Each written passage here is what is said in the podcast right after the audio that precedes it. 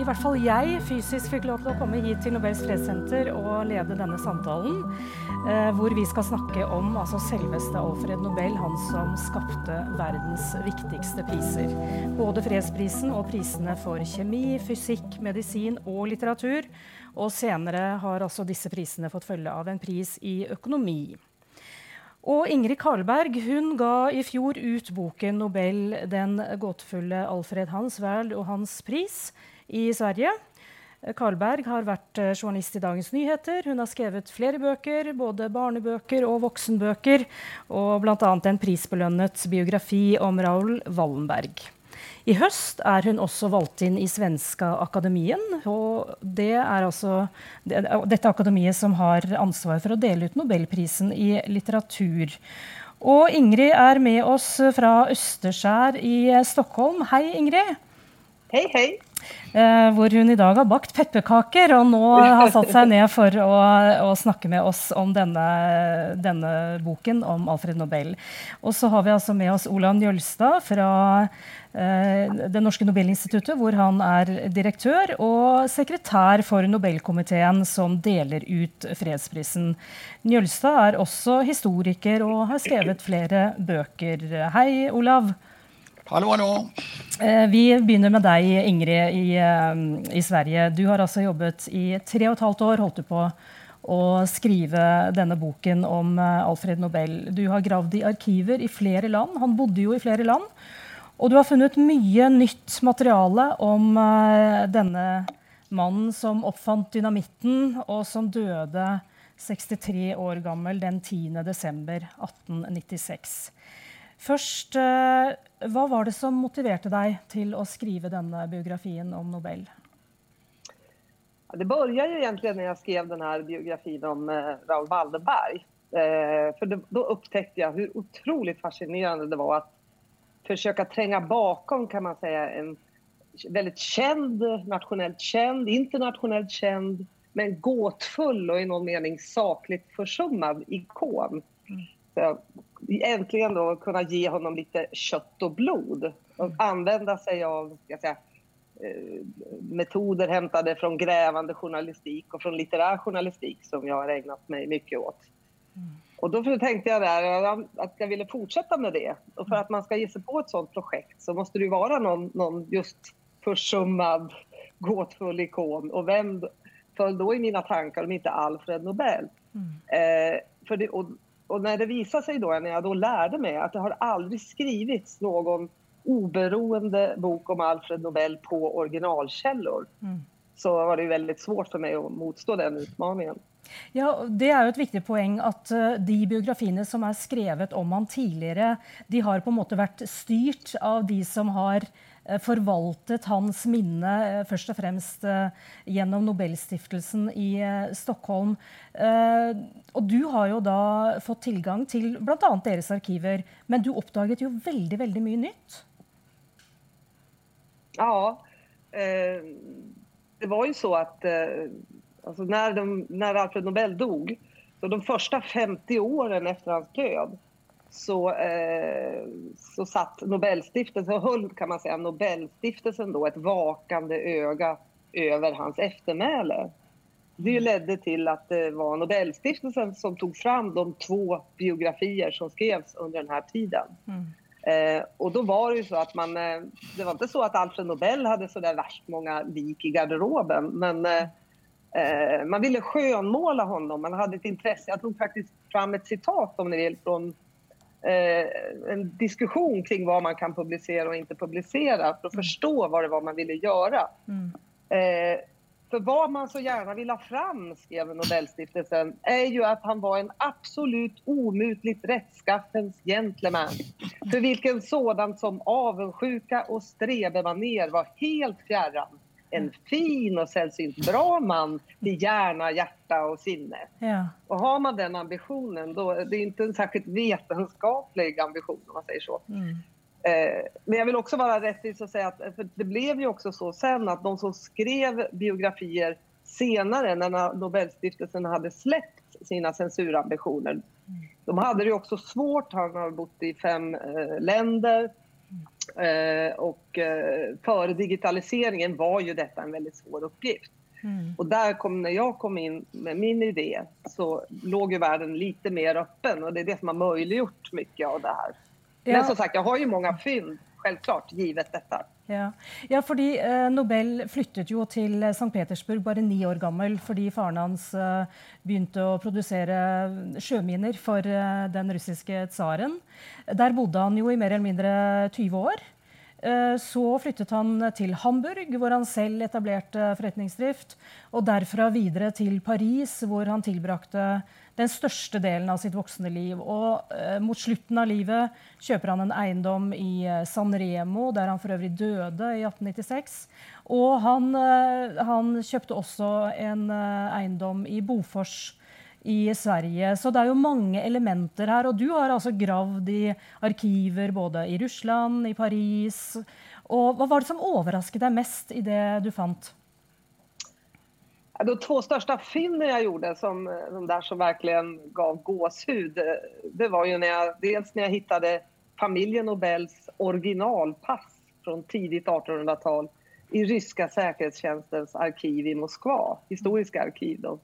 Och det andra fyndet som eh, gav ungefär lika mycket gåshud var när jag lyckades gräva fram ur eh, på eh, Archive National i Paris eh, den franska säkerhetspolisens bortglömda akt över mm. Alfred Nobel. Och den då från slutet av 1800-talet.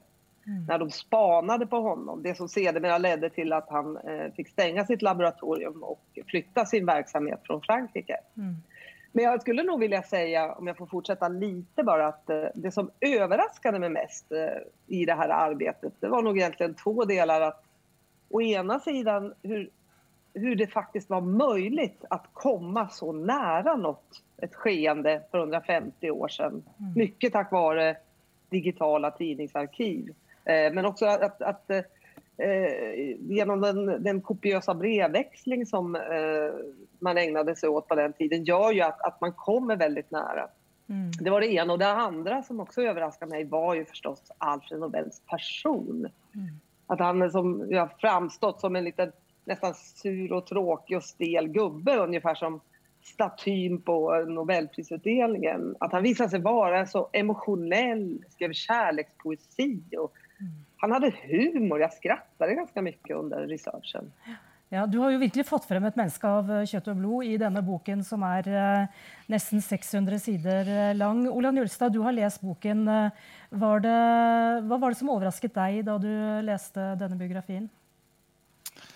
Ja, jeg vil jo si at det er overveldende mye nytt, spennende stoff som kommer fram i Ingrids bok. For meg var det veldig interessant å lese om hans oppvekst, barndom, i Stockholm og livet i, med familien i St. Petersburg etter hvert. Uh, og så selvsagt sider ved hans voksne liv som ikke jeg var så godt kjent med. Uh, Bl.a. av dette forholdet til uh, Sofie Hess, som vi sikkert skal komme litt inn på. Det må vi snakke om, ja. ja og også om det som, som, Ingrid selv nettopp nevnte, altså det, det politiske, nesten storpolitiske spillet rundt Alfred Nobels dynamittproduksjon. Eh, som gjør at han blir eh, spionert på av den franske eh, hemmelige politi, samtidig som han fører forhandling med det franske forsvarsdepartementet.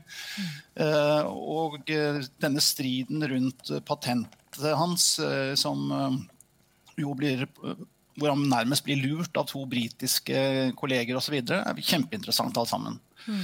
Uh, så jeg vil bare gratulere med en veldig god bok. Og det er viktig å understreke at den er også en veldig velskrevet bok. Uh, det er ingen tilfeldighet så klart at Ingrid er valgt inn i akademiet. Mm. Uh, og jeg har jo selv skrevet et par biografier og vet hvor utrolig viktig det er som biograf at du kommer over originalkilder. Altså at du, du får et rikt kildemateriale. Det gir deg en helt annen eierskap til denne fortellingen.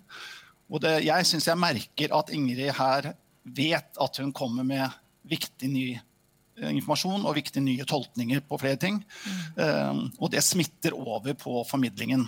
Mm. La oss dvele litt ved Sofie Hess. Det var jo to kvinner fra Østerrike som preget Alfred Nobels voksne liv i veldig sterk grad. Bertha von Suttner er den ene. Den historien er forholdsvis kjent. Hun figurerer jo her på veggene i, i Nobels fredssenter bl.a. Og vant Nobelprisen, eh, fredsprisen eh, senere. Eh, men så er det da denne andre, Sofie Hess, som var ca. 20 år yngre enn en Nobel og som eh, innledet et slags kjærlighetsforhold til ham. Og som eh, levde i et avhengighetsforhold til ham. Eh, han ga henne veldig, veldig mye penger. og det er et underlig forhold. Det er en, en rasjonell milliardær etter dagens standard som altså på mange måter lar seg bruke av denne unge kvinnen som lever av hans penger. Uh, Ingrid, kan du forklare hva, hva var det Hvordan kunne Nobel la seg bruke på denne måten? Ja, du, eh, det var for meg også veldig gåtfullt. Jeg fulgte hans historie med Sofie Hess under alle disse år. Men jeg tror man måtte løfte perspektivet litt og se ham som person. Også for at han, han präglas väldigt mycket av att vara en, en, person som lever lite vid sidan av det liv som han drömde om, eller som han drömmer om. Det gäller ju inte minst kvinnor, där han ju tidiga, tidigt i unga år formulerar här, drömmen om den kvinna som han vill dela sitt liv med. Mm. Och det ska vara en kvinna som inte bara är ett vackert ansikte, utan en kvinna som kanske som läser böcker, som kan, som man uttrycker det, se in i hans själ. Mm. Han vill ha en, en uh, han söker en själsfrände, en samtals, intellektuell samtalspartner. Och det var också väldigt mycket så han såg på kvinnor. Uh, han, han, han beundrade intellektuella kvinnor. Så jag skulle säga att den första kvinnan han träffar och enligt henne i alla fall friar till, nämligen uh, Berta von Suttner, mm. indirekt friar till. Uh, motsvarade kanske en del av de här drömmarna. Eh, tyvärr var ju hon upptagen då och förälskad i en annan man.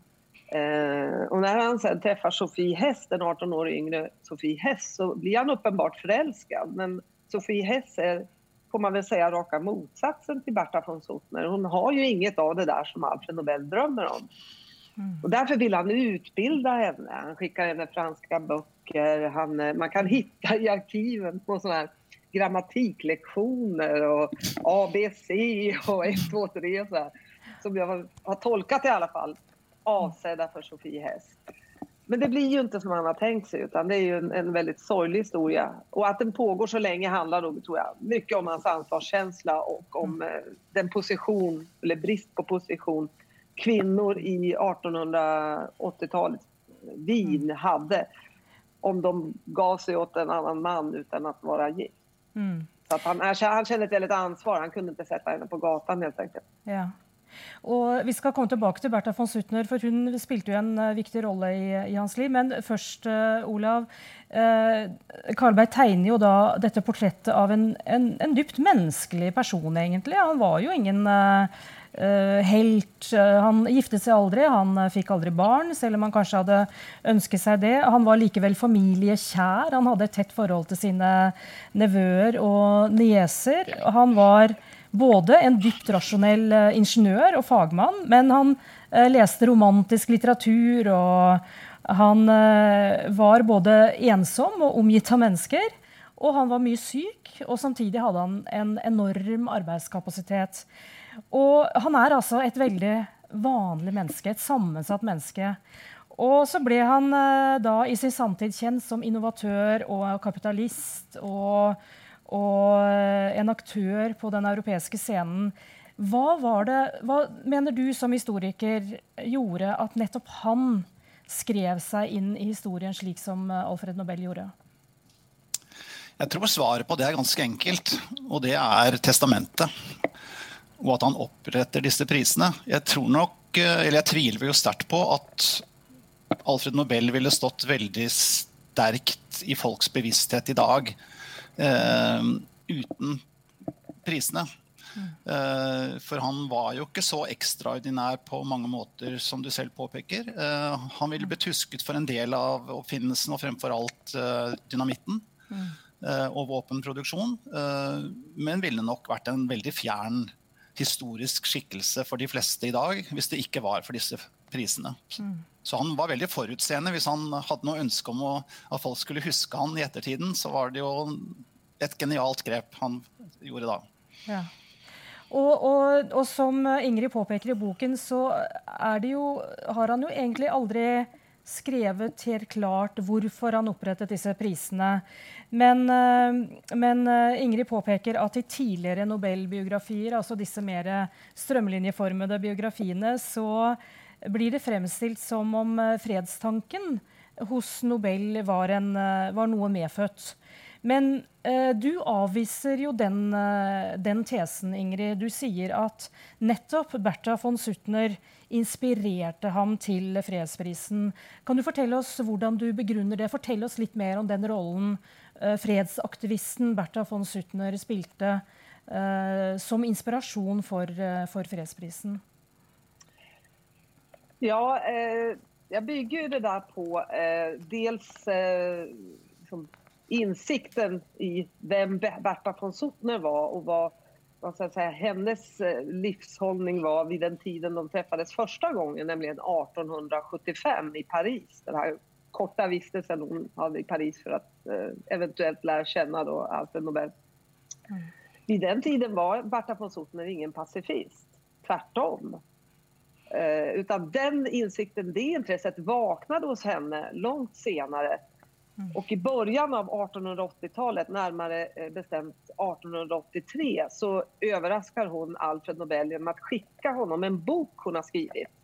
Det är inte den här kända Ned med vapnen som kommer 1889 utan det är en tidig bok som hon skriver under pseudonym som heter Inventarium einer Seele eller Inventarium av en själ kan man säga. Mm. Eh, och eh, och där har hon ett helt resonemang. Hon är väldigt eh, upptagen av darwinismen och för ett långt resonemang om hur nationerna sinsemellan kommer att obönhörligen röra sig i en utveckling, alltså en evolution mm. från barbariet till, liksom, den mer fred, till den eviga freden kan man säga. Mm.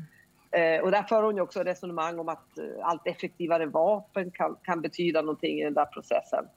Eh, Alfred Nobel blir begeistrad i hennes bok. Och jag kan visa då i hur han före det att han tar emot denna bok nästan aldrig någonsin nämner fredstanken. Mm. Men efter det att han har läst den här boken så dyker den upp titt som tätt i breven till kollegor. Att han drömmer om en rosa skimrande fred i världen och han för resonemang. Så där vaknar hans eh, fredskänsla och det är Berta von Suttner som inspirerar honom. Och det är mm. också hon som sen som ser till at han utvecklar sitt resonemang gjennom å engagera honom i det, det fredsrörelse hon sen bygger opp. Mm. Og Det er jo fascinerende, fordi Bertha von Suttner hun ble da pasifist, og er det vi uh, i vår tid kjenner igjen som en, uh, en uh, fredsaktivist. Og mens Alfred Nobel de to utviklet jo et nært vennskap og brevvekslet og, hadde, og møtte hverandre jevnlig.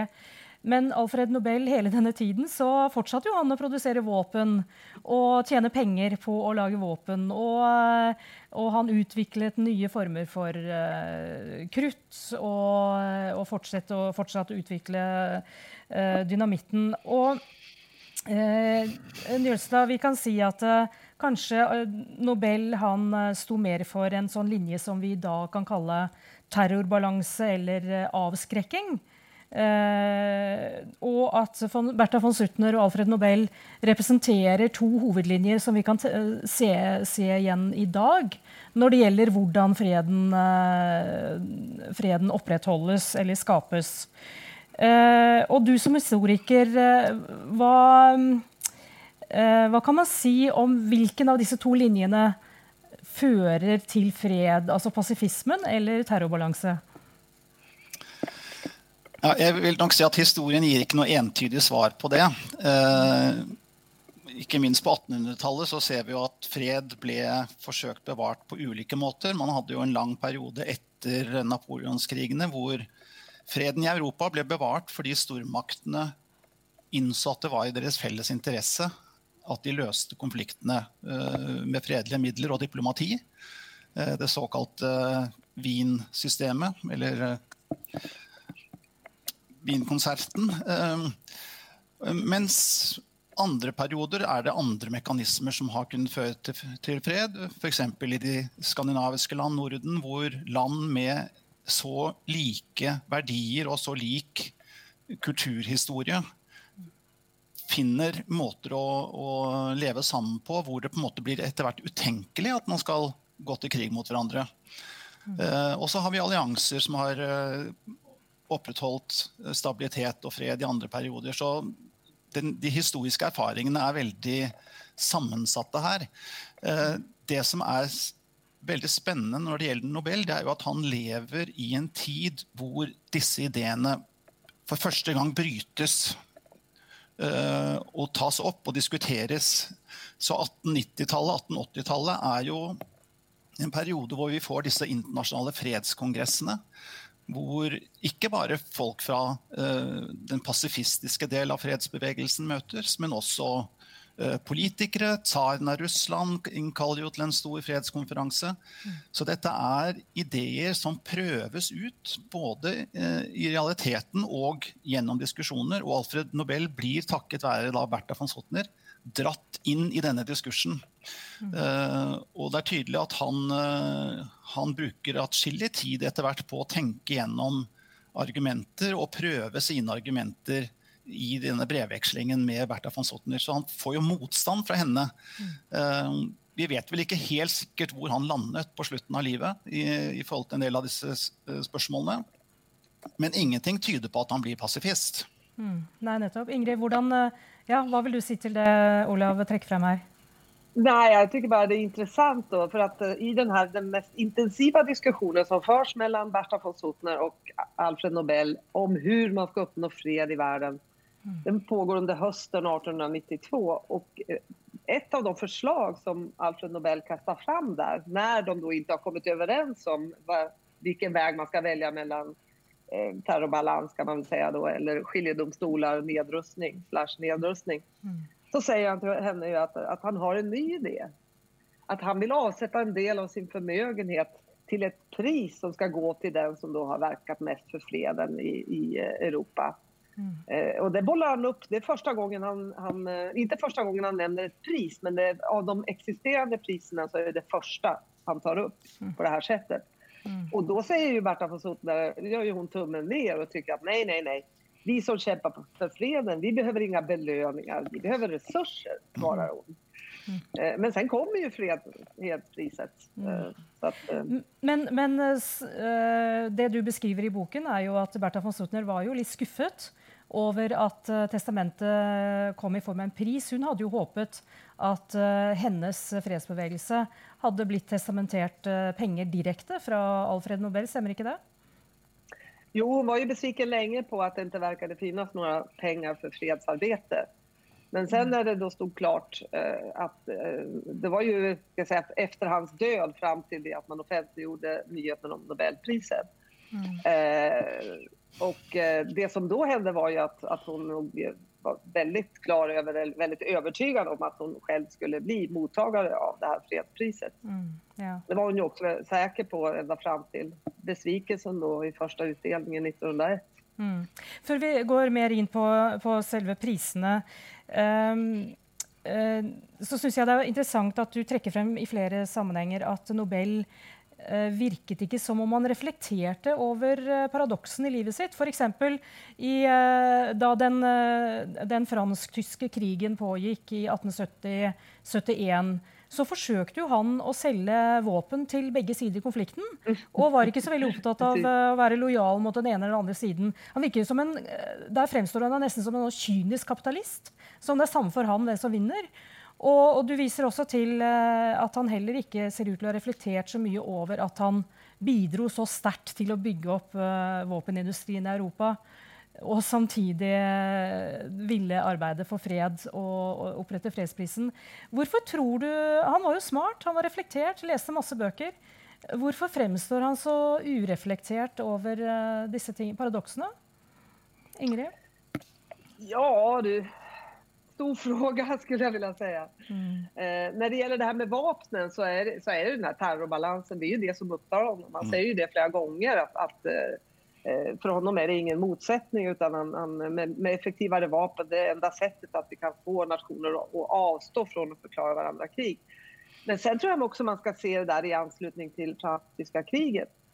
Så var inte, alltså dynamiten var ju, fick ju någonstans sitt genombrott i det eh, vid den tiden. Men det var ju som främst som sprängmedel. För mm. även om man hoppades på det som ett hemligt vapen så var det ju faktiskt mest använt för att spränga broar kanske. Men, men det som, det var, dynamiten är ju inte a priori ett, en, ett, eh, en ammunition för gevär och kanoner om man säger så. Nej. Inte alls. Mm. Eh, så det intressanta är jo att när han, han, eh, hans utveckling går ju nästan mer mot militär ammunition senere senare i livet mm. eh, än vad den är eh, tidigt. Mm. Men jag tycker att, att, man måste se Alfred Nobels liv som en process. Eh, och det här med priserna är någonting som växer upp och som växer ur den här frustrationen han känner över att inte få leva det liv han drömde om. Mm. Alfred Nobel hade aldrig sysslat med sprängämnen är min bild. Om han inte hade drivits in i det till följd av sin fars tillkortakommanden. Eh, och sen hade han framgång där, men det han drömde om var ju att antingen få göra sig ett liv som författare, få, få ägna sig åt att skriva sin lyrik och sina romaner. Men han drömde också eh, han hade också en väldigt kreativ person som ville stå i sitt laboratorium, ägna sig åt vetenskapliga eh, experiment. Han var otroligt intresserad av vetenskap. Mm. Så på, året, mot slutet av sitt liv så ställs han ju inför det här, alla frustrationer i affärslivet och inser att, att nu är tiden kommen när han måste använda sina pengar till något som är verkligen viktigt för mänskligheten. Ja. Han formulerade till och med ett brev, en tydlig vändpunkt där kring 1890. Mm. Och då börjar han först med experiment, han vill stötta forskning, men sen kommer de här prisidéerna. Så att han, han är ganska målmedveten där och han vil være menneskeligheten til nytte. Ja. Men uh, Olav, leser du uh, det at han opprettet disse prisene som at Alfred Nobel på, uh, på mange måter vil gjøre bot for sitt bidrag til krigsindustrien, nærmest? Jeg tror ikke det. Jeg, jeg, kan ikke se at det er mye som tyder på at han hadde dårlig samvittighet eh, for sin deltakelse i våpenproduksjon. Og vi ser jo at han kjøper jo Bofors sent i livet. Uh, og skriver der at han gjerne ser at Sverige blir en aktør i det internasjonale våpensalgseksportmarkedet. Uh, Så det ser ut som han har levd godt med disse to uh, sporene, det militære og fredssporet, side om side. Og at han på et eller annet vis har klart å forene dette. Mm. så jeg har ikke noe tro på at han oppretter fredsprisen for å gjøre bot for sine synder som våpenprodusent. Mm. Vi, det er altså 125 år siden testamentet ble skrevet, og så ble det kjent på nyåret i januar 1897, etter at Nobel var død i måneden, måneden før. Og Der det, kom det da frem at formuen hans skulle brukes til priser til personer som har gjort noe eh, nyttig for menneskeheten. Eh, det førte til at noen av arvingene hans gikk til rettslige skritt for å få en større andel av arven enn det de ble tiltenkt i, eh, i testamentet. Det beskriver Ingrid veldig inngående i uh, boken. En veldig interessant del av boken, det også. Og det var et veldig intrikat og komplisert booppgjør med deler av formuen hans spredd på forskjellige land i Europa. Men det mest sensasjonelle uh, de januardagene 1897, det var at Nobel altså la ansvaret for å dele ut Nobels fredspris, den mest prestisjetunge av disse pri prisene, det ansvaret la han til Stortinget i Oslo. Og vi må huske på at uh, Norge og Sverige da var i union. Men det var en løsrivelsesbevegelse i Norge som var sterk. Og denne tildelingen til Stortinget den ble veldig betent politisk. Hvorfor det, Ingrid? Det var jo sterke spenninger i unionen da, ved denne tiden. Eh, och eh, man kopplade jo veldig mye den, den norske fredsaktivismen som fanns i Stortinget kopplades, eller det var ju väldigt, väldigt mycket så att man kopplade det till Stortinget och till en författare som heter Björnstjerne Björnsson. Mm. Eh, det fanns en del vapenmuller i, i, bakgrunden. Och I Stockholm så såg man ju inte de här. Man såg jo att det här var självständighetssträvanden. Mm. Man såg den norska fredsaktivismen som ett hot helt enkelt. Mm. Eh, så när Alfred Nobel bestemte bestämde att Stortinget skulle dela ut Nobels fredspris så uppfattades det, ja, det uppfattades som en eh, landsförräderi närmast. Mm. Som ett nationellt hot faktiskt. Att man så att säga, Eh, uppmuntrade de her eh, norske selvstendighetssträvandena. Mm. På, Olav, på hvilken måte bidro fredsprisen til å styrke den, eh, den norske uavhengighetsbevegelsen, hvis den gjorde det? Altså, den kan nok ha gitt eh, grunnlag for en økt nasjonal selvtillit i denne fasen. Eh, og det kan ha bidratt til at vi i noe større grad eh, Eh, ble interessante og fikk oppmerksomhet fra resten av Europa. Lille Norge helt i periferien av Europa fikk nok noe mer oppmerksomhet når vi hadde denne årlige prisutdelingen. Mer praktisk så vet vi at dette fikk betydning fordi Nobelinstituttet ble et slags norsk utenriksdepartement i miniatyr i disse siste årene før unionsoppløsningen. Norge hadde jo ikke lov til å ha en egen utenrikstjeneste. Det var noe av det striden mellom Norge og Sverige sto om. Eh, men man benyttet altså Nobelinstituttets lokaler til å ha møter hvor den politiske ledelsen i Norge, som til dels satt i Nobelkomiteen og utgjorde komiteen, eh, hadde møter hvor man diskuterte hvordan man best kunne fremme norske interesser i utlandet. Og skaffe sympati for Norges eh, ønske om selvstendighet. Så der mm. fikk dette en, en, en, viss betydning. Ja, og Norges første utenriksminister Jørgen Løvland var jo også eh, leder av Nobelkomiteen i mange år. Eh, noe som i dag er litt uh, uforståelig. Men uh, det, kan, det, det, får vi snakke om en annen gang. Men Nobel han, han, forklarte jo egentlig aldri hvorfor han la fredsprisen til Norge. Og, så er det jo blitt sagt Dette er jo brukt til å, å fremme eller, eller, bevise at Norge hadde en fredstradisjon som var annerledes enn den svenske, og at uh, vi ser en linje helt fra 1890-tallet og Stortingets politikk da til dagens norske fredsdiplomati. Er du enig i det, Olav, at, at Stortinget skilte seg ut med å være liksom, mer fredsvennlig enn det de gjorde i den svenske riksdagen f.eks.?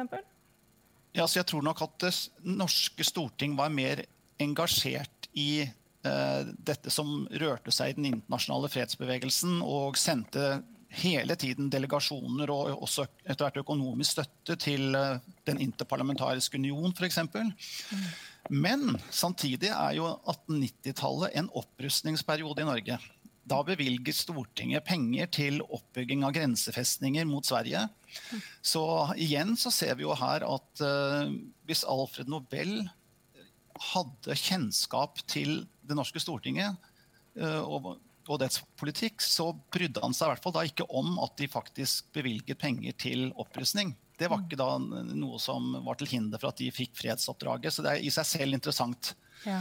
Uh, jeg tror jo at det at, Unnskyld hvis jeg bare kan ta et uh, lite poeng her. Jeg tror at det er vel så interessant at han velger å gi oppdraget med fredsprisen til et politisk organ, altså til en parlamentarisk forsamling, som at det ble i Norge kontra Sverige. Uh, for meg så er det et veldig tydelig indikasjon på at Alfred Nobel skjønte noe veldig vesentlig, og det er at fred til syvende og sist dreier seg om politikk.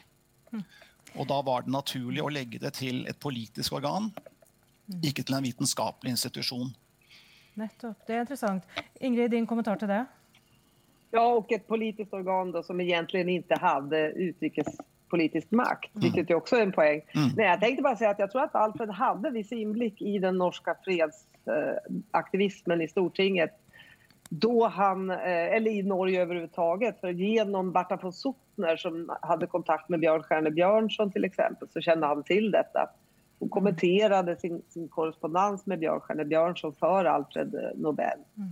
Och sen eh, är det också så att eh, man ska se det också som att det finns ju små tecken att Alfred faktiskt gillade Norge. Eh, han, eh, sista året av sitt liv så skrev han en teaterpjäs eh, som han ville ge ut. Och han skriver i ett brev att han tänker ge ut den i Norge.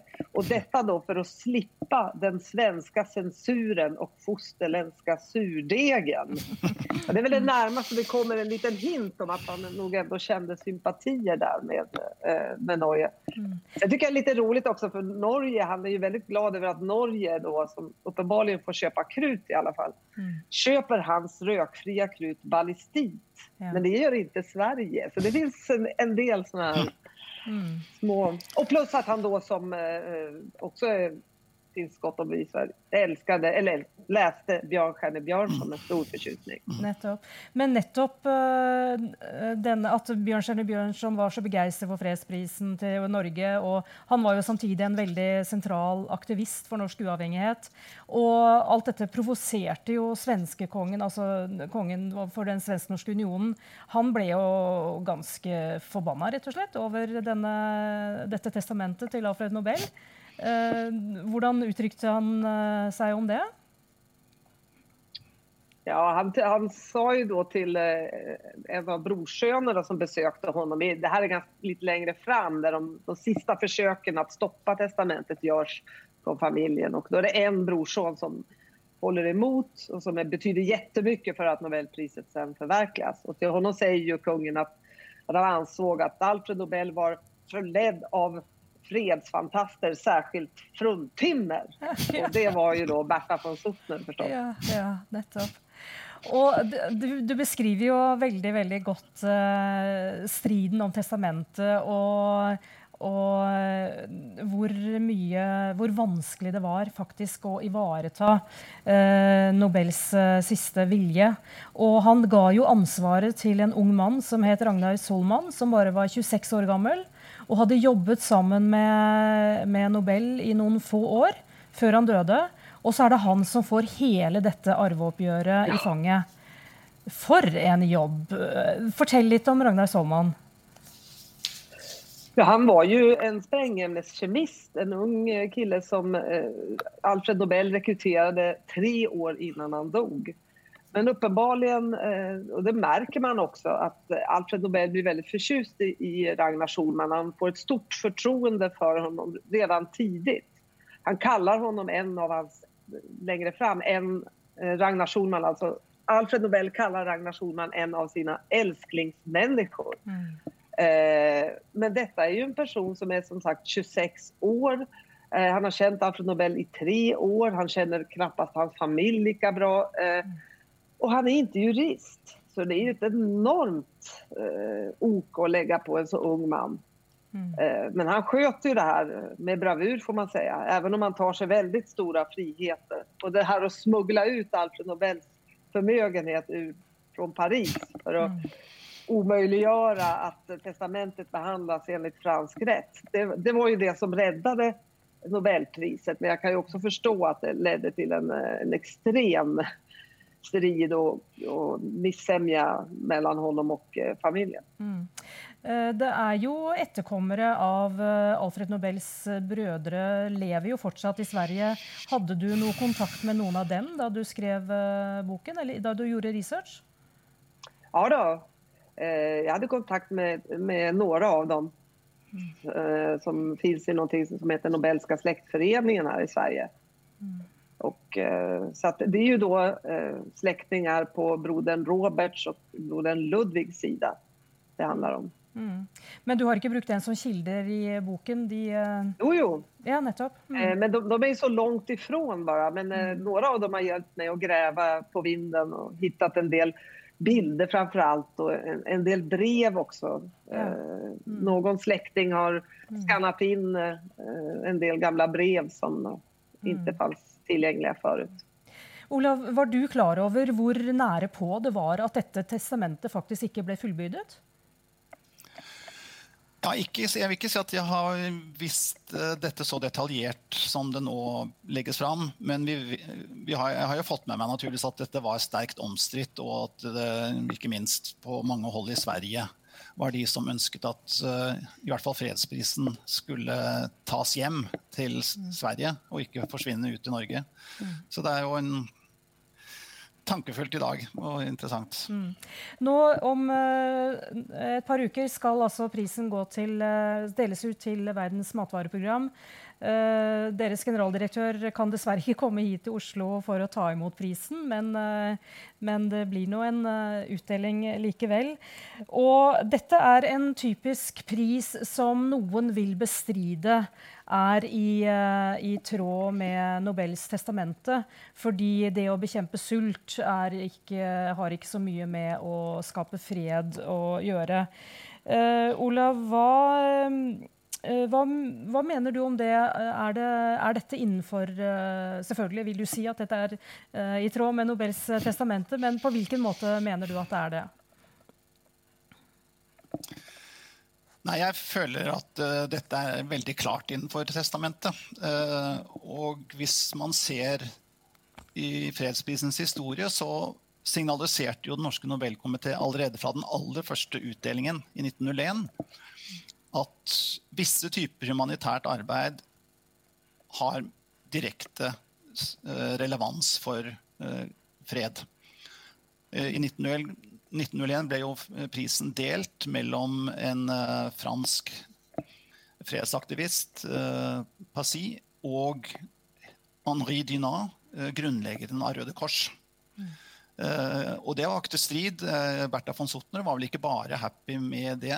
Eh, men, eh, men, det var helt tydelig at Den norske Nobelkomité anså at den type humanitært arbeid som Dyna eh, hadde gått i bresjen for, er relevant for fred. Mm. Og begrunn, den, de, de begrunner jo da dette med å vise til den setningen i Alfred Nobels testamente som sier at prisen til, på fredsfeltet skal gå til den eller de som har gjort best eller mest arbeid for folkenes forbrødring.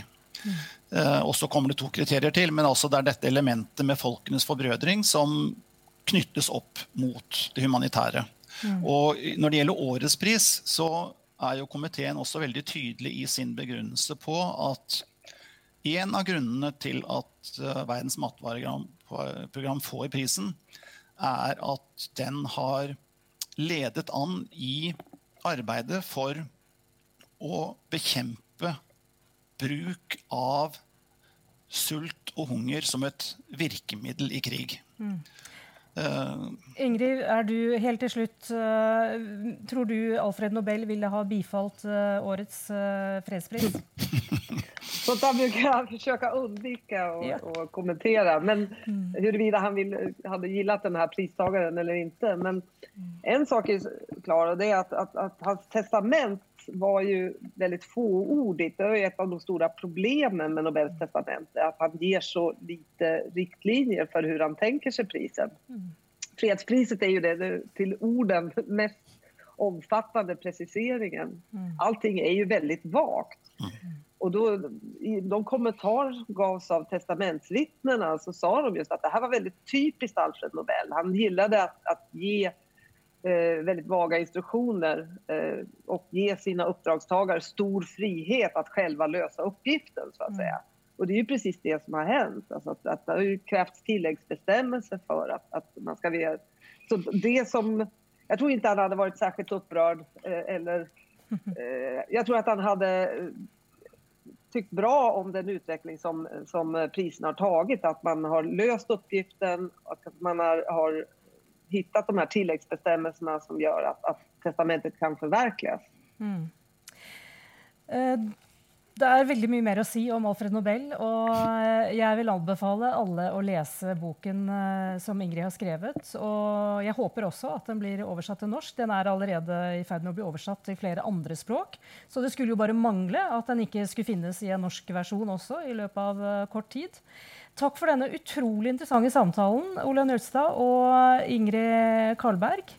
Eh, det er veldig spennende å få vite mer om Alfred Nobels eh, liv. Eh, tusen takk dere begge to. Takk så mye. Takk selv.